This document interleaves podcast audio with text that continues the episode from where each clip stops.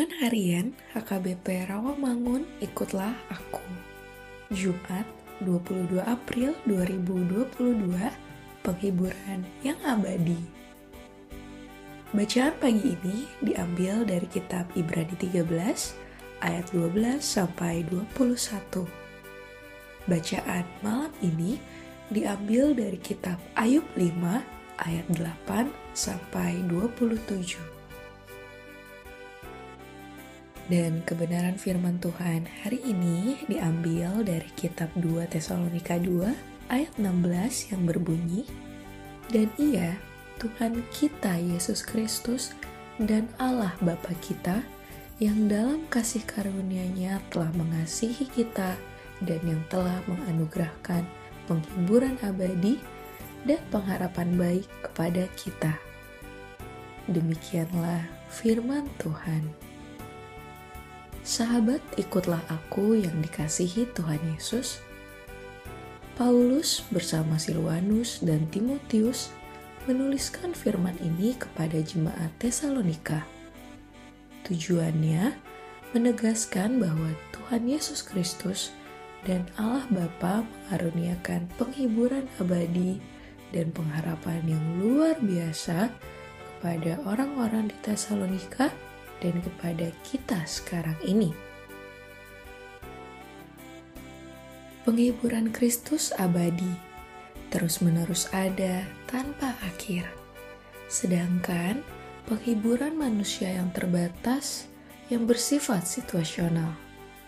Dengan kasih karunia-Nya yang sejati, Tuhan Yesus telah mengasihi, menghibur dalam segala penderitaan, dan menguatkan kita dalam segala perkara, baik dalam perkataan, perbuatan, maupun dalam pekerjaan kita. Kristus juga menyediakan pengharapan yang baik bagi kita. Jangan ragu, percayalah, kita memiliki Tuhan yang baik dan sungguh teramat baik. Allah yang juga memampukan kita sanggup menghibur orang-orang percaya kepadanya. Allah yang memberi penghiburan karena belas kasihannya. Janganlah mengisi hidupmu hanya dengan berbagai kecemasan serta kekhawatiran terhadap pekerjaan si iblis. Sebaliknya, Penuhilah hidupmu dengan berita serta janji penghiburan dan pengharapan ilahi.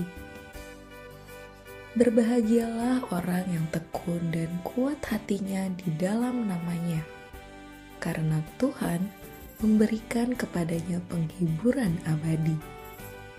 Berbahagialah orang yang setia merindukan pengharapan dan penghiburannya, karena Tuhan berkenan memberkatinya. Berbahagialah kita yang setia pada firman-Nya, karena Tuhan memberikan penghiburan yang abadi. Amin. Saudara-saudari yang terkasih, marilah kita bersatu di dalam doa.